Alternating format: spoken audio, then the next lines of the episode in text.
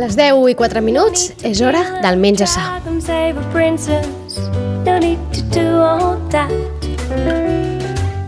Be a bit curious, travel around and get somewhere else. Aquest espai que dediquem als hàbits saludables, recentment estem parlant, eh? perquè és veritat que des de, hi ha hagut diferents accions des de la regidoria de, de salut de l'Ajuntament i hem anat parlant d'hàbits saludables, però també saben que la ràdio hi aposta fermament i per això tenim un espai que fem en col·laboració amb Jaume Jiménez de Nutritional Coaching, Coaching. ja saben que també està al servei de nutrició del Sorli Esport aquí Sitges. Jaume, molt bon dia. Hola, bon dia. Com Val. estàs? Molt bé, molt bé.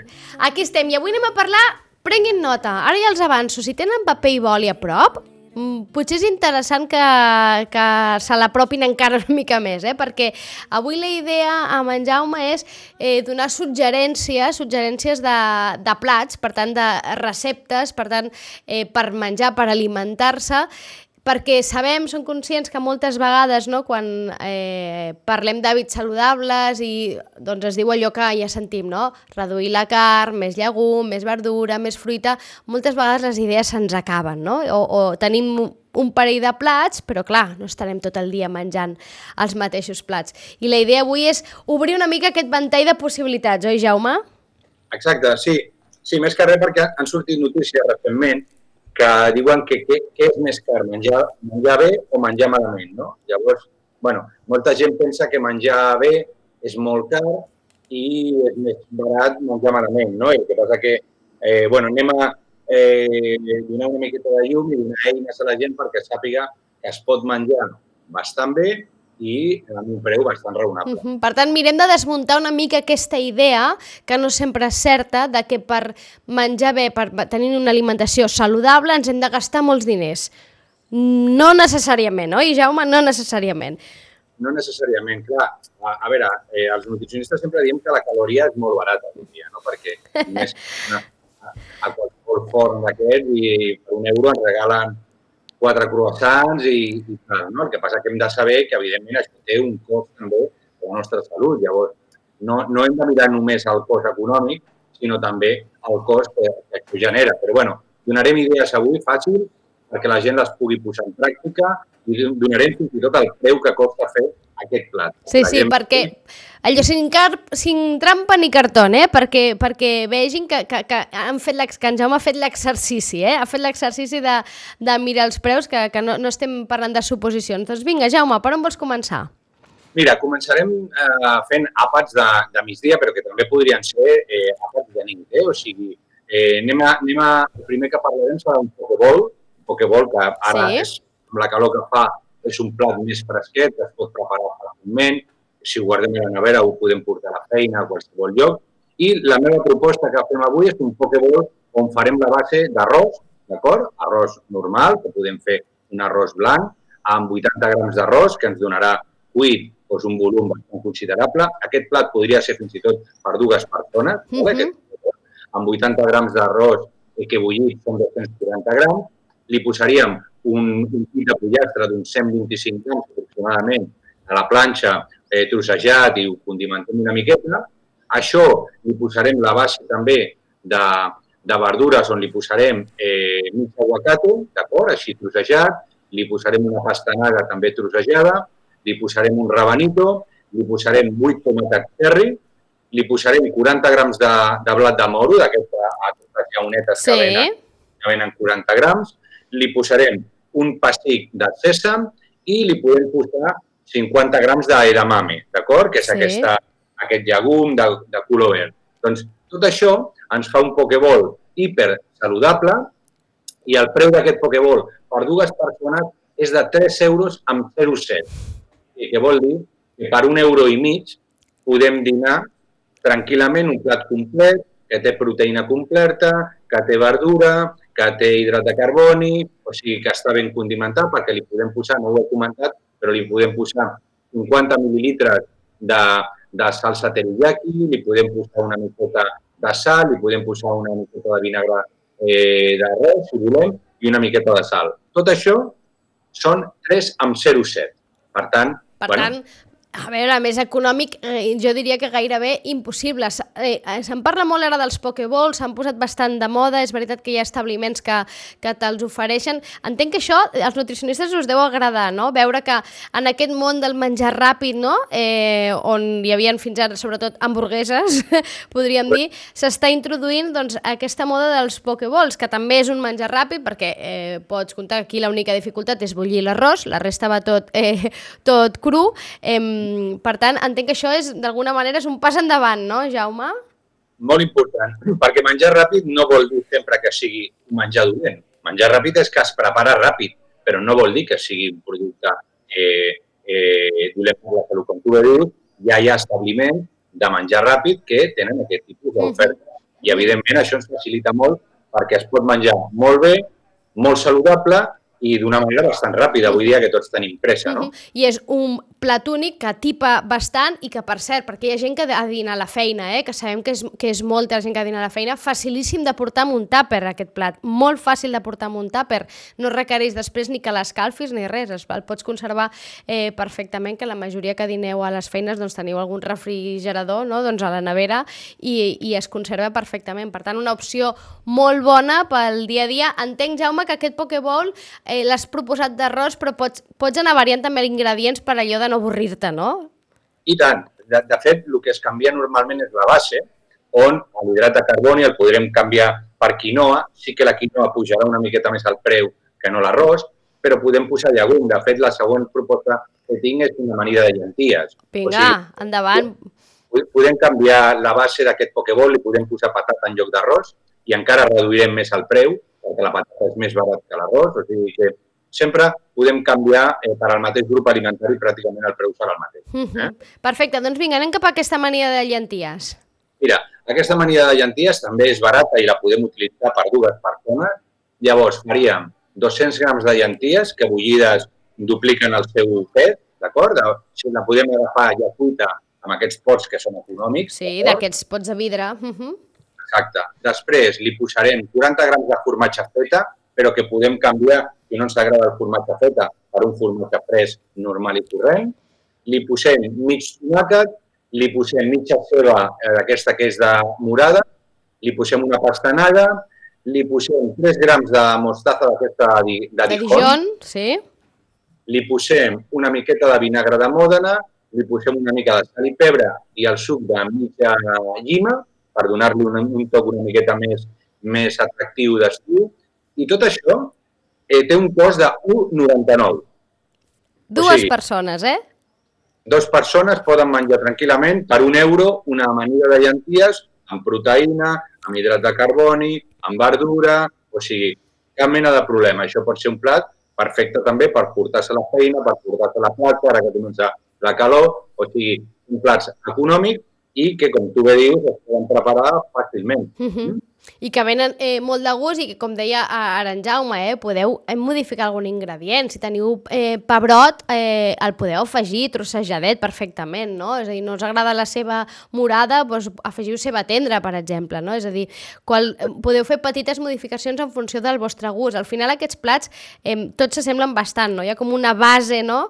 Una base, en aquest cas, o, o de llegum o, o d'algun cereal, com ara, bueno, com parlaves ara de l'arròs, no? I després afegis aquest mm, gruix de, de verdura, no?, de la part vegetal, i l'acabes condimentant, si us heu fixat, doncs amb sèsam, una miqueta de mostassa de Dijon, és a dir, eh, Un toc, no? Un toc exacte, així, una... eh, eh, ingredients que d'alguna manera ens donin com un gust, li donin una mica de gràcia al plat, no?, perquè també es tracta d'això, de que al final et quedi un, un, un plat que et vingui de gust, no?, no només que t'alimenti, sinó que sigui atractiu també al paladar, que a la vista ho serà, eh?, perquè i ara a l'estiu aquestes amanides, això que les amanides estan molt de moda, caram, és que amb una amanida d'aquestes, una t'atipes, que és aquella sensació de sacietat ja te la dona, però és que a més és eh, t'alimentes molt, és a dir, nutri nutricionalment és molt completa, ens costa fer amanides de llegums, eh?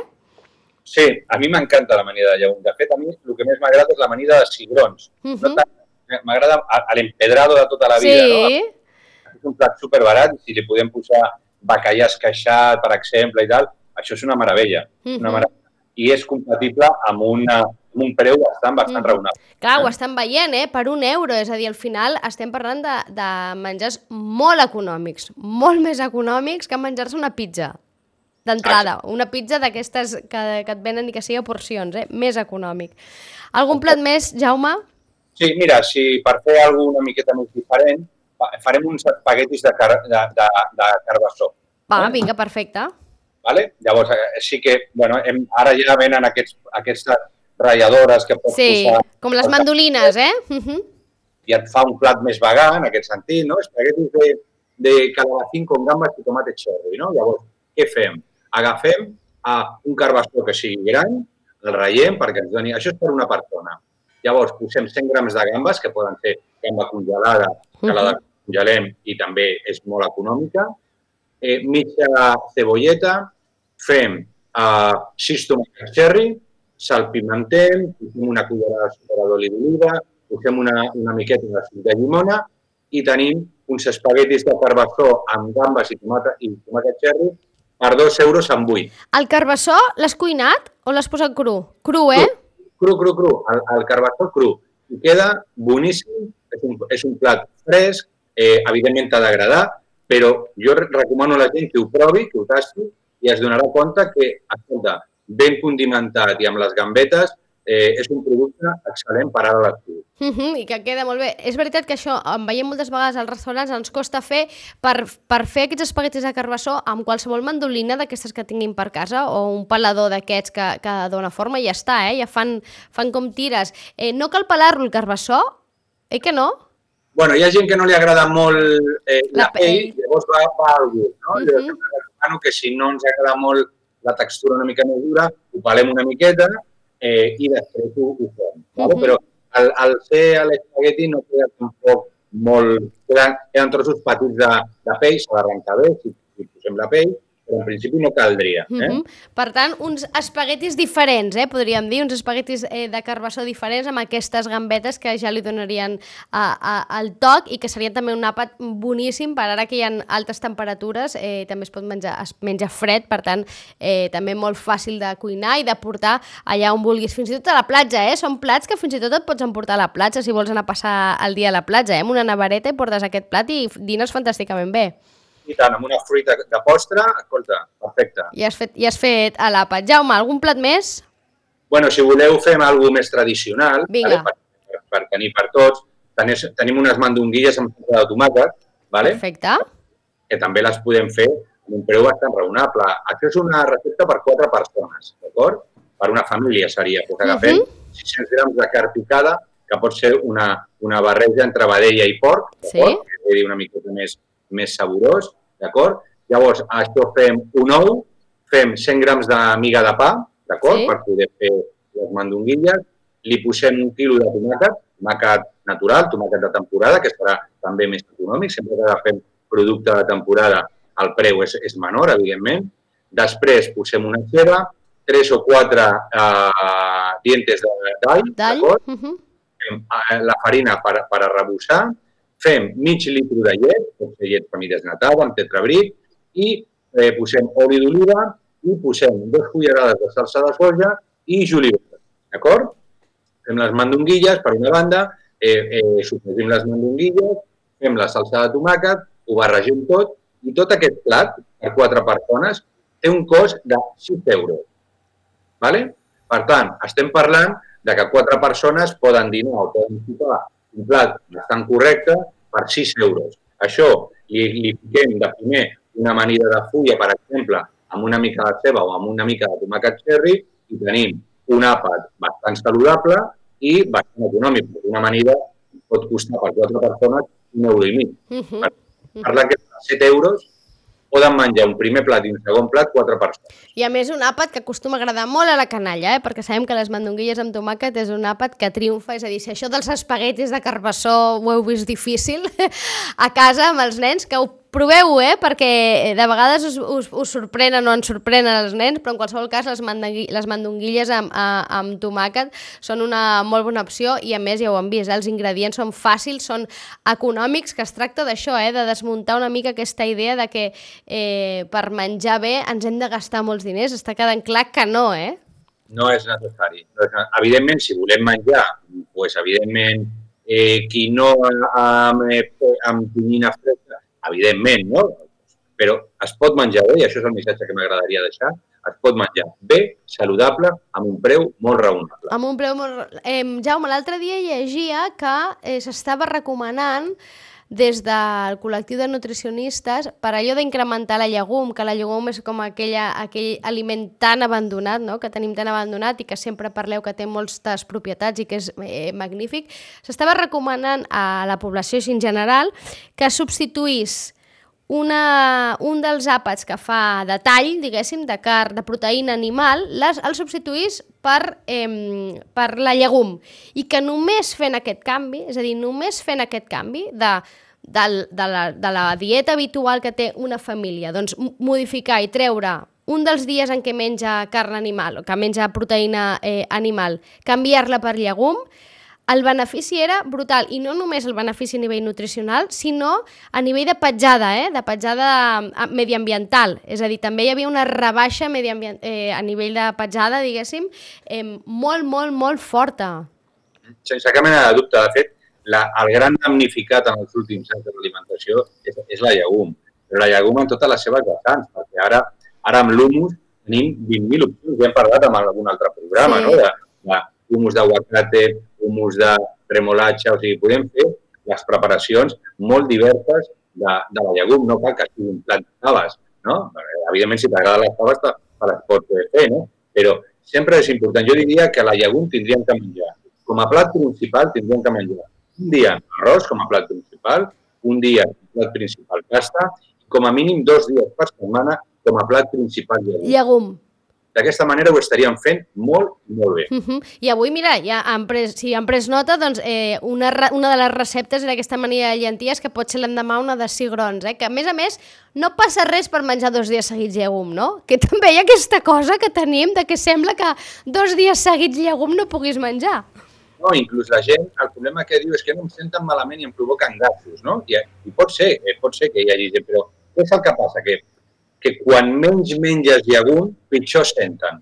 O sigui, jo menjo avui llegum i em donen gasos i estic tres mesos sense prendre. I llavors, quan les torno a prendre, evidentment em tornen a sentar malament, perquè la llegum, quan més la mengem, més la l'aturarem, perquè la nostra microbiota s'acostuma uh -huh. al volum celulosa que porta la llegum. O sigui que hem de menjar més llegum per tolerar-la millor. O sigui, no hem de fer cada tres mesos llegum perquè ens dona gasos. L'hem de, de cuinar bé i sobretot menjar-la. Si la mengem, la tolerarem cada vegada millor. Uh -huh. I a més a més això que té una, formes infinites de, de, de, de menjar la llegum. Jo ara recordo que de petita que compràvem la llegum cuita a, a la botiga, que te la donaven amb aquell cucurutxo de paper, no?